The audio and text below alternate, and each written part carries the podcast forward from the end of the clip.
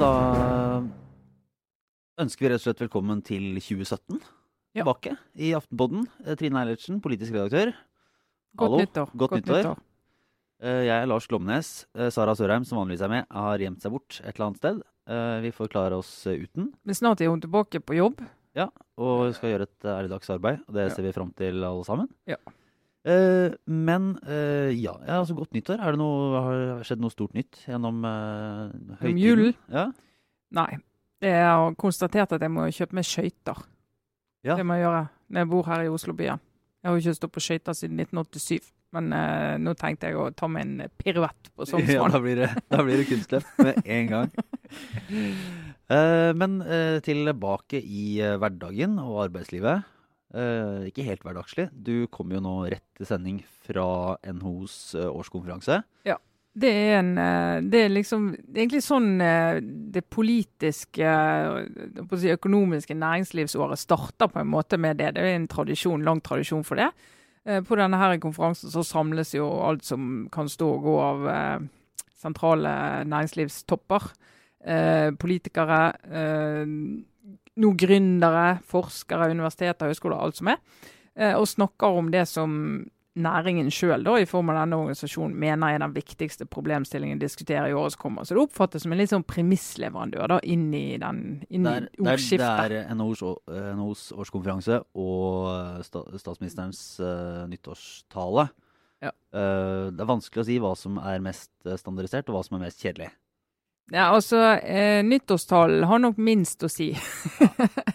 det er, og det er blitt eh, ganske proft. eh, Eller han er jo ganske proff, den konferansen. Herlighet. Han er jo, det Det er jo masse ressurser og masse flinke folk. Men det er, ikke så lett, det er ikke så lett for de som ikke er helt inne i det, å se, se det umiddelbare mm, poenget eller, eh, konsekvensen av den.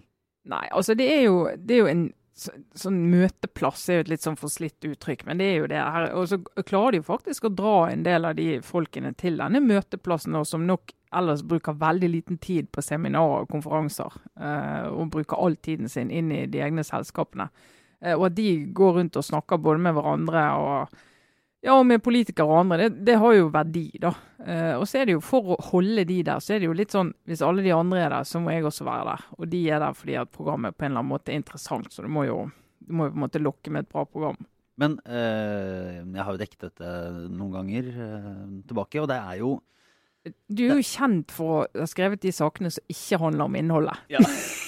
jeg har ikke nødvendigvis eh, vært, vært tettest på programmet, Nei. eh, skal sies, og det faglige programmet, men det er det ikke Det er mye av minglinga som er Det er der saken er. Det er der saken er, og det er der, eh, også, det er der poenget er for de som deltar. Det er Ja. mye sånn praten mellom, mellom blokkene. Ja. Uh, og så fins det da noen sånne eh, barnslige VG-journalister som jeg da en gang var, som det, men du har lagt det bak deg. jeg, jeg har lagt det bak meg. Jeg har blitt et veldig voksent og vondt menneske. Uh, men det var vel gøy, da. Og det er jo faktisk en av de sakene som huskes litt. Ja. Eh, Statsråden mobba lenestol. ja, det var, det var i, i 2011, dette er da januar, da Hanne Bjurstrøm var arbeidsminister. Um, og skulle på, på talerstolen og si et eller annet om velferdsfella, og hun kom i skade for å rote seg inn i et litt fargerikt språk og, og noen bilder om en, eh, om en lenestol som hun omtalte som da både utrendy og 70-talls og stressless. Eh, noe da unge Glomnes kunne ringe og få, få avkreftet fra denne stolens produsent. Som ikke syntes noe om at statsråden skulle si der at, eh, stå og si at deres folkelige, gode lenestoler var utrendy. Ekornes som har solgt mer stoler i hele verden, og som heter Stressless enn noen andre kan forestille seg. Ja, var, jeg husker det var bra fyr i teltet da. Ja, ja, det var eh, Måtte hun beklage? Eh, Jeg tror kanskje hun kom med en liten eh, La oss se en, i hvert fall flat. oppkla en oppklaring. Men eh, det er vel ja, ja, blant de eh, Ja. småskala eh, minneverdige sakene. Men det, er det noen store ting i år? som Ja, altså, er, eh, i skal år- løftes Fram? Ja, altså, det er jo omstilling, da, for å si. Og så da er det jo mange som etter hvert det, Vi snakket jo ikke om noe annet i fjor, omstilling.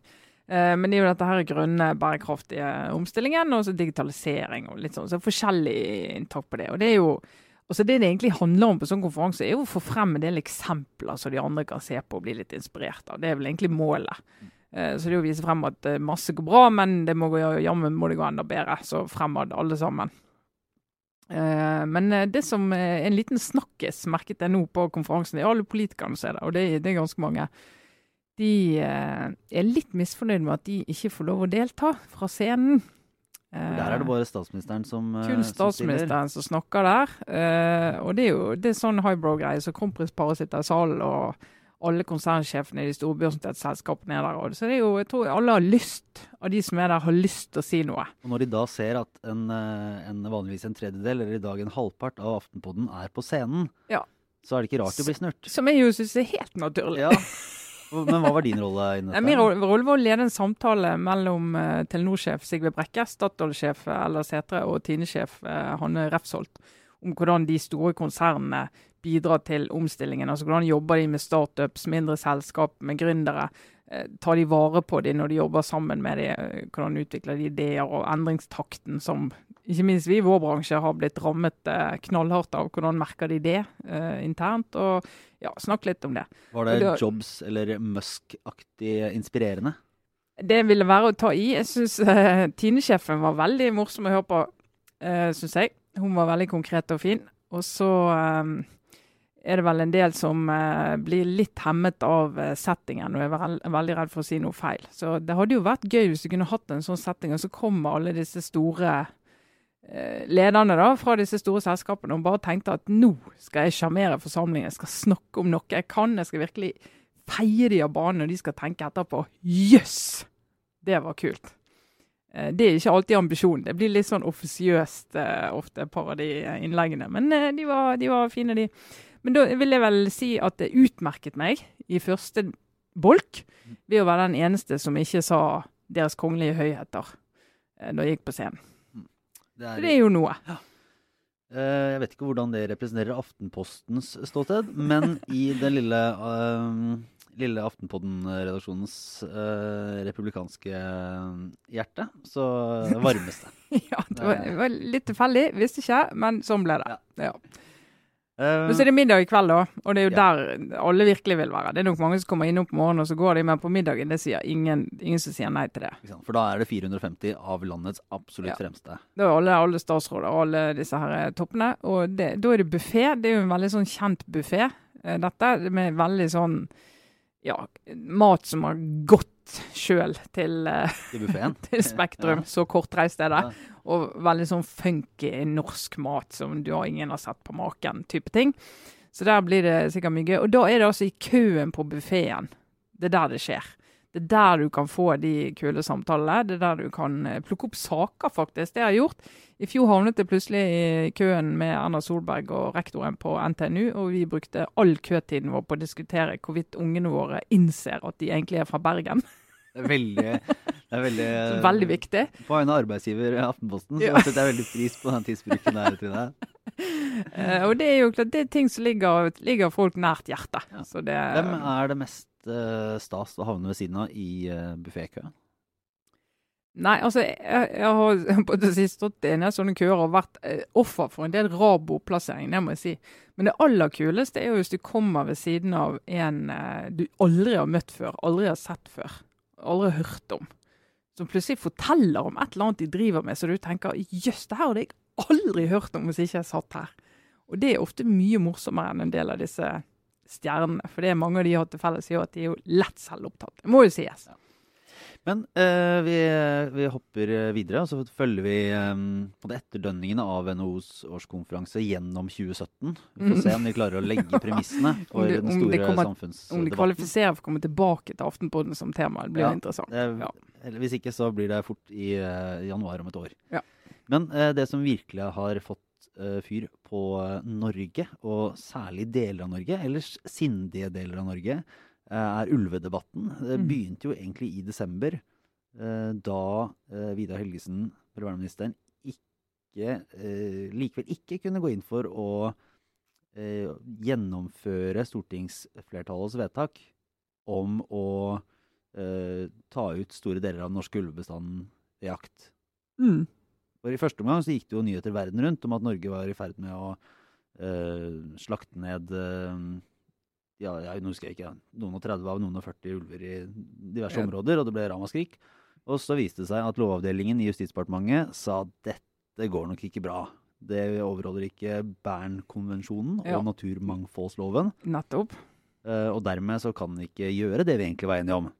Ja, for da sier de det at disse lovene, denne loven og konvensjonen forutsetter at skadepotensialet ved å la disse ulvene leve er av en viss størrelse.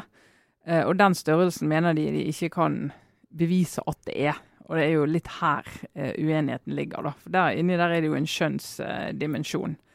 Eh, og da er det jo folket på Hedmarken. Høyrefolk som sto på plenen denne Det uken. er et Det uh, er en vakkert klassiker. syn. Det en stortingspresident gikk- utenfor Stortinget for å protestere mot mot sin egen regjering. Det er once in a lifetime, tror jeg. Eh, Audun Lysbakken, SV-leder, skrøt av uh, høyrefolkene på Twitter i går og sa han kunne bare bejuble denne tradisjonen med å stå på plenen hos sin egen regjering, vel vitende om at nå sitter det langt inne å bruke det som argument mot SV i regjering. Det ble jo brukt i åtte år mot det.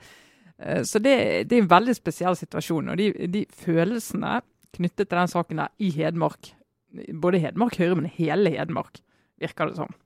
Alle satte seg på bussen i går og dro til Oslo. De, de tror jeg har overrasket eh, Helgesen også. Ja, det er jo, eh, Vi har jo tidligere måttet innrømme her, når vi har vært innom ulveproblematikken, at det ikke um, Får ikke hjertet til å banke så veldig. banke veldig. I hvert fall ikke, altså, hvert fall ikke relativt sett. Når man ser på hvor, hvor heftig um, det fyrer opp i resten av, eller deler av landet, så, så er vel vårt lille hjørne i Akersgata er relativt rolig Ja, sammenlignet med mye. Men, men så er det jo interessant, da, det som eh, Andreas Slettholm hos oss skrev jo en god kommentar om dette i går, der han egentlig peker på at jo, det er jo ulv selvfølgelig, men like mye så handler det jo om at folk bor i et område, eh, møter på noe de opplever som en konkret fare. Så han sier jeg kan ikke la ungene mine leke i hagen eller i skogen, for de kan faktisk bli angrepet av ulv. Og så sier storsamfunnet, da, det fine begrepet storsamfunnet, eller Oslobyen, Oslo-eliten, at jo, dette går helt fint. Din frykt er ikke viktig nok. Han er ikke, han er ikke liksom konkret nok og ikke relevant til at vi skal kunne ta ønsket deres til følge. da. Og så Der ligger jo denne gode, gamle spliden mellom sentrum og periferi også, da. Som vi antageligvis kommer til å se veldig mye av i år. Ja. Eh, Men det er jo fascinerende å se et eh, parti som Høyre, som jo har eh, stått på å være veldig samla, veldig et skikkelig rolig, måte trygt eh, parti, nå gå fullstendig i krigen mot hverandre. Det er jo Ja. en, en ordbruk og karakteristikker som, eh, som, er, ganske, som er heftige. Og eh, Ja, så vidt- uparlamentariske mot, eh, mot, egen eh, regjering. Egen statsråd. og si Stakkars Helgesen. Litt sånn lett å si. Han sa, så vidt jeg forsto på det VG skrev i dag, så fikk jo han så ørene flagret etter eh, møtet med ulveforliksgjengen i går. Eh, og da står altså Trond Helleland og eh, eh, Nesvik eh, fra Fremskrittspartiet og skjeller ut Helgesen mens Jonas Gahr Støre står og ser på. Eh, for så å gå ut og møte pressen etterpå. Og da kan jo Jonas Gahr Støre Arbeiderpartiet Det holder jo bare å si at her må de rydde opp og feie for egen dør og bli enige med hverandre. Så han, han trenger på en måte ikke gå inn i substansen. da. Og det er vel like greit. Mm. Det er en del Jeg tror nok at Helgesen kanskje har det litt tøffere enn noen andre også ville ha det. For han er jo ururbanisten i Altså gir inntrykk av å være det sentrale Høyres eh, fremste mann. Han, Ja, og han, eh, liksom internasjonal altså En ting er liksom Oslo og periferien, men han er jo mer er sånn. Genéve-aura over han. sant? Og det blir liksom Ja, og han har gitt opp dialekten sin, og det går liksom ikke an å stole på han i det hele tatt. sant? Og han, har, han er jo ikke av de som har et veldig, veldig sterkt sånn lokalt, eh, lokal folkelig støtte i eget parti. Jeg fikk meg til å tenke på en, en karakteristikk fra en eh, Arbeiderpartitopp eh, for eh, noen år siden, da det var snakk om hvilke statsråder som sto svakt og sterkt under Jens Stoltenberg. Der det bildet ble brukt at det er noen som, noen statsråder som står på et fjell av partistøtte. Og så er det andre som henger og dingler fra statsministeren i en tråd. Og det kan se ut som de er på samme nivå, ja. men den ene posisjonen er betydelig mye tryggere enn den andre. Ja. Og nå skal jeg ikke si at, uh, at Vidar Helgesen henger spesielt utrygt, men han er jo en som, uh, som ser ut til å være hentet inn i regjeringen og toppen av Høyre via sine gode bekjentskaper og, og tillit hos statsministeren. Mer enn at han har et lokallag i, i Høyre et eller annet sted som mener at han er helt sentral å ha på plassen. Ja, nei, Det har han jo ikke. Han sitter jo ikke på Stortinget heller. Men eh, det var jo snakket med en i Høyre i dag, og han var jo krystallklar på at det er jo en vanskelig sak for dem. Det er jo det. De har Høyre-folk som går ut og sier at det blir helt umulig å drive valgkamp på Hedmarken nå. Det, det kommer ikke til å fungere. Eh, og, så I mitt hode Jeg ville jo først ha trodd at ja, men det der er jo et veldig lokalt problem. Hedmark Høyre, det Ja. De får nå holde på, men for Høyre å få, å få forsterket hele den der eh, oss mot de, distrikt mot sentrum-dimensjonen gjennom denne saken, er uheldig, da. Eh, Men da er de Høyre, Høyre nå, sentralt, er opptatt av å, få, av å ut, gå ut og skyte ulv. Ja. De vil finne en måte å få skutt ulv. Jeg vil være med på reportasjen der Erna Solberg har med seg gevær. Det hadde og vært noe. Ulv. Det hadde vært noe om det var Erna Solberg liksom tok ordentlig ansvar. Og, Ja. ja. Men det, ja, det, er jo, det er jo for øvrig for bare et siste punkt på akkurat den konflikten her, så er det interessant å se hvordan opposisjonen bruker denne saken til å kaste seg over uh, temaet og, og disse områdene med, med enorm glede. Ja. Uh, Arbeiderpartiet har jo sjelden vært så uh, skamløse i opposisjon som man har sett denne uka her. Det ene løftet hit og dit, og støtter Ja. jakt og skyting av ulv overalt. Og, og Senterpartiet kan jo De har jo, de har jo all- all de det er jo stø kurs ja, i ja, Senterpartiet. Fjellstøtt. Ja. Der er det jo ikke så mye å Jeg kan ikke ankl- anklage dem for å, for å akselerere eller gjøre noen ting. De bare fortsetter sin kurs. Men, eh, men de koser seg jo. ja, de koser seg. Det er en super sak. I det hele tatt, Trygve Slagsvold Vedum har et eh, festår foran seg. Rett og slett. Eh, det er eh, De kommer til å ha en litt eh, kortere, ikke så lang, langstrakt og langdryg eh, utgave av podkasten denne uken som eh, vi kanskje har hatt. Men vi har en obligatorisk refleksjon som jeg brenner veldig for, eller brenner veldig imot. eh, som er denne, dette forslaget fra uh, Torbjørn Røe Isaksen og programkomiteen i Høyre om å etablere en norsk kulturkanon. Ja. Og allerede på eh, kanon så eh, sitter jeg og har eh, fæle grimaser. Er du skikkelig irritert på det? her, du? Ja, jeg, merker Hvorfor det, Lars? Nei, for det første så eh, er det dette kanonuttrykket. Det fjolleri. fjolleri. Ja. Synes så VG topp 20, kall det det det er. ja. Ja. Um, så er det med Jeg, jeg syns det er en, en snever og, og litt eh, merkelig kulturforståelse å skulle da etablere en, topp, en offisiell, eller statlig toppliste over norsk kultur. Jeg, jeg, jeg kan ikke forstå at det er eh, At det har noe særlig poeng, og at man skal bruke offentlige penger på det. eh, og at det har en verdi utenom egentlig å avgrense norsk kultur. Mm. Sementere det i noe. Ja, og det er en veldig, sånn, veldig konservativ holdning der det plutselig begynner å Ja, det virker eh, mer utdefinerende enn indefinerende. Ja. Og så virker det som det skal foregå, eller kan, bare kan foregå innenfor premisser som blir veldig konservative og tradisjonelle. Ja. Når Torbjørn Røe Isaksen skulle være, sånn, være liberal og snakke om hva som kunne komme innenfor denne så var det sånn Nei, jeg ville ha med Tidemann og Gude da, og brudeferd i Hardanger. Og så var det naturlig å ha med Ibsen, men det kunne like gjerne være Munch eller Melgaard. Og så er det sånn, ja, Ja, det, Ok. Munch måtte jo vært der. Ja, eh, altså, jeg er litt mer sånn ambivalent eh, forhold til det. det, det jeg hørte Torbjørn Isaksen på radioen, og da snakket han litt sånn Ja, eh, så må vi innenfor de forskjellige kunstområdene må vi ha en komité, og, og da så jeg liksom for meg at det blir sånn her, ja, verdi, er Verdikommisjon verdikommisjon. 2.0. Ja. Masse folk som skal flys inn fra hele landet, sånn at alle skal med og snakke om dette. og skal de komme ut med et eller annet som alle blir sur på, og så bare forsvinner. Eh, Men så tenk, hvis, hvis, nå vet jo ikke han hva han skal bruke det til, og det er jo et åpenbart svakhet ved hele utspillet. da. Uh, og han tør jo ikke si at dette skal inn i rammeplanen i skolen f.eks., og si at dette bør norske barn ha vært innom. Uh, men det synes, og det syns jeg viser allerede da, at om, altså om det er staten eller hvem skal gjøre det, men bare det at en som han går ut og sier det, får i gang mer kulturdebatt på to dager enn vi vanligvis har på en måned. Altså Du får liksom en sånn ordentlig fyr i teltet-debatt. Og jeg tror jo at hvis vi Altså går inn og begynner faktisk å diskutere det der. Bare i diskusjonen av det så kommer det til å skje noe med både bevisstheten og litt sånn hva er godt og hva er dårlig. og Det, er jo, det må jo kunne gå an å diskutere det og ha en debatt om det uten at det liksom skal stenge Ja, ute kulturuttrykk og sånn. Men her er, her er jeg egentlig veldig positiv til altså jeg er veldig positiv til lister og til kåringer. Det syns jeg er gøy. Ja, ja, det mener, det er, det er, eh, det er- Hvem skal eie det, må- kanskje? Ja, hvem som skal eie det. altså, Det er at hvis, hvis Aftenposten vil lage listen over de 100 beste norske kulturuttrykkene, eller VG eller NRK eller hvem det måtte være har lyst til å gjøre det, så Mm. syns jeg det er gøy, og det skaper diskusjon. Um, men det blir ofte bredere og mer engasjerende enn hvis du skulle faktisk sette ned en komité. Det virker som den mest kjedelige måten å få fram en sånn på. Det er sånt som gjør at vi har fossekallen som nasjonalfugl.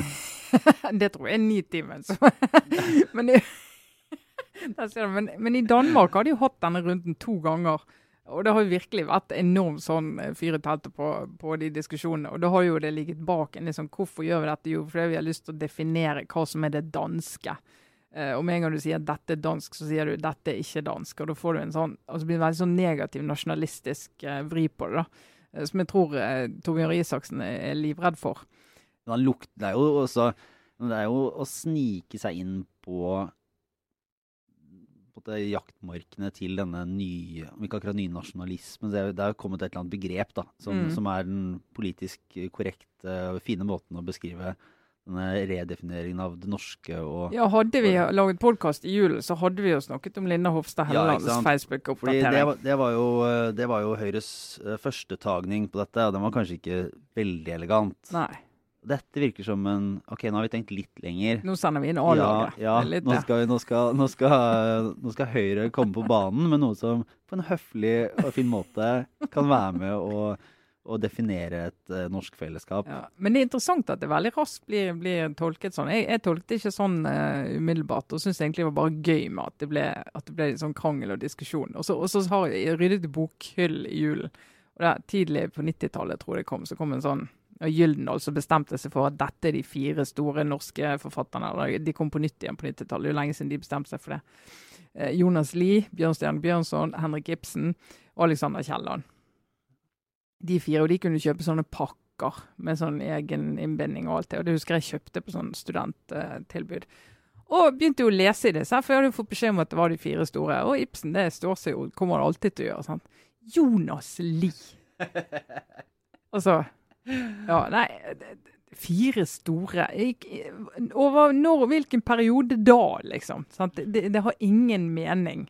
Det er sånn, Med en gang du ser en sånn den gjengen der blir utnevnt til de store, fire store norske forfatterne, og så kjenner du det vi, som skjer i samtiden på forfattersiden, og så skal du på en måte ikke, ikke forholde deg til det. Men bare det å få en sånn diskusjon om det, er jo ja, Jeg syns jo det er gøy, da. Jeg er litt mer positiv, kjenner jeg, selv om ja. Jeg må si, jeg er jo positiv til Akkurat debatten er jeg litt positiv til, for jeg syns den er morsom. Ja, og debatten, Temperaturen i debatten avhenger jo litt av hvem som kommer med utspill. og Når det er en statsråd, så blir det jo mer fyr i teltet enn hvis Aftenposten lager en liste. Ja, det er nok sant, det.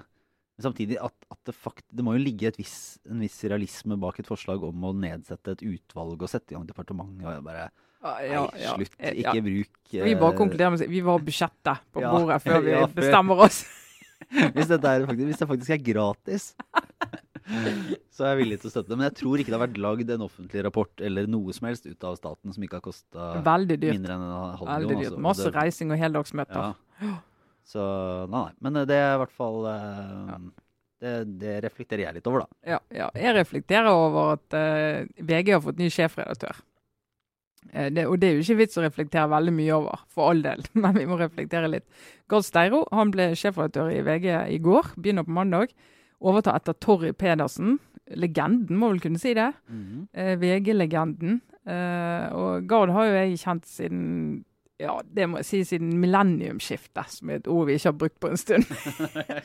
da begynte han han Vi var og bekymra for år 2000-problematikken sammen? Nei, ja, det husker jeg. Vi var redd for at alle datamaskinene skulle krasje og sånn. Det var veldig sånn 000, ja.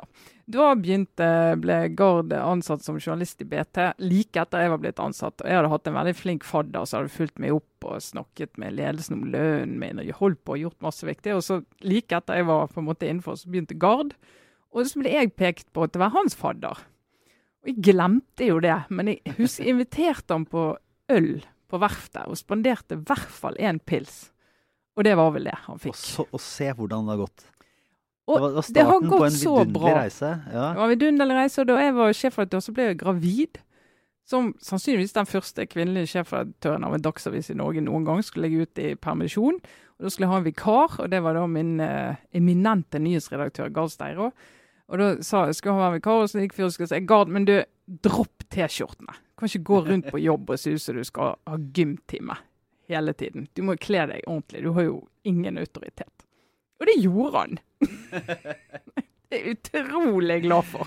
Og Jeg, jeg, jeg jeg, mener jo at jeg har jo Ja, ja. direkte påvirket. at det på har gått så som, bra som med to, Gard. to inngripener i en stor karriere som på en måte har satt Avgjørende ting. Ja, det har hatt avgjørende effekt og Avgjørende satt ham effekt. på riktig kurs. Men uh, det skal jo si, uh, i, uh, siden han kom til VG som nyhetsredaktør, Ja. så jeg kjenner jo mange der siden jeg jobbet der før, som eh, sier han er en fantastisk eh, sjef og veldig, veldig dyktig. Mm. Er det noen, du som kjenner han bedre, er det noen Kommer vi som engasjerte og interesserte medieforbrukere og lesere også av VG innimellom, må Mm. innrømmes, eh, til å se noen stor forskjell, tror du? Altså, Gard er jo eh, først og fremst en nyhetsmann. Han er også en veldig god leder. og det, det, Jeg tror litt av det som gjør at han er en god leder i et mediehus, fordi han har den nyhetsryggmargsrefleksen som er helt spesiell. Han kan gå inn i nesten hvilken som helst sak og gå inn i en diskusjon og løfte saken bare ved å delta i den diskusjonen. Så Gard er en veldig veldig flink redaksjonell leder. Eh, Det tror vi kommer til å merke, det er faktisk en litt tydeligere prioritering i VG. Eh, Gard, eh, fra tiden i BT, og også som han har snakket om etter han begynte i VG, det er jo at vi må prioritere enda tøffere. Eh, Du må velge vekk ting for å greie å holde trykk på de tunge eh, sakene.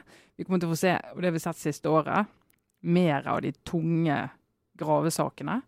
Eh, Så jeg tror journalistikken i VG kommer til å kommer til å bite fra seg. altså. Så vi som konkurrent og familiemedlem med VG i Skipsted, vi får jo Se fram til dueller også i 2017. se 2017. frem til ja. med, med spenning og eh, med bare skjerpe oss, vi òg. Altså, det er jeg sikker på.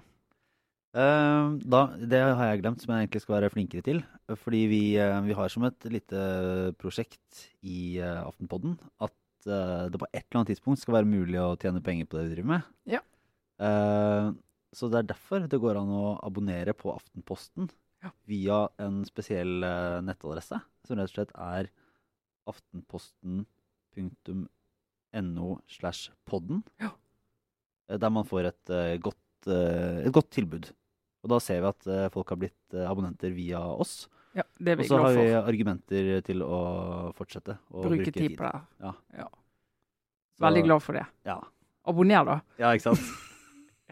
og så må det anbefales til venner, og sånn, sånn at vi blir store og, og mektige i det norske medielandskapet. Ja. Eh, var det noe mer eh, da, Trine? Nei. Vi eh, satser på å være tilbake neste uke. Da er jeg egentlig fri, men eh, vi skal vel finne en måte å løse det på, tenker jeg. Ja, Det skal vi. Og så takker vi for oss og ønsker alle en fortsatt god uke. Ja. Og ha det bra. Det var Trine Eilertsen. Jeg er Lars Glomnes. Ha det godt.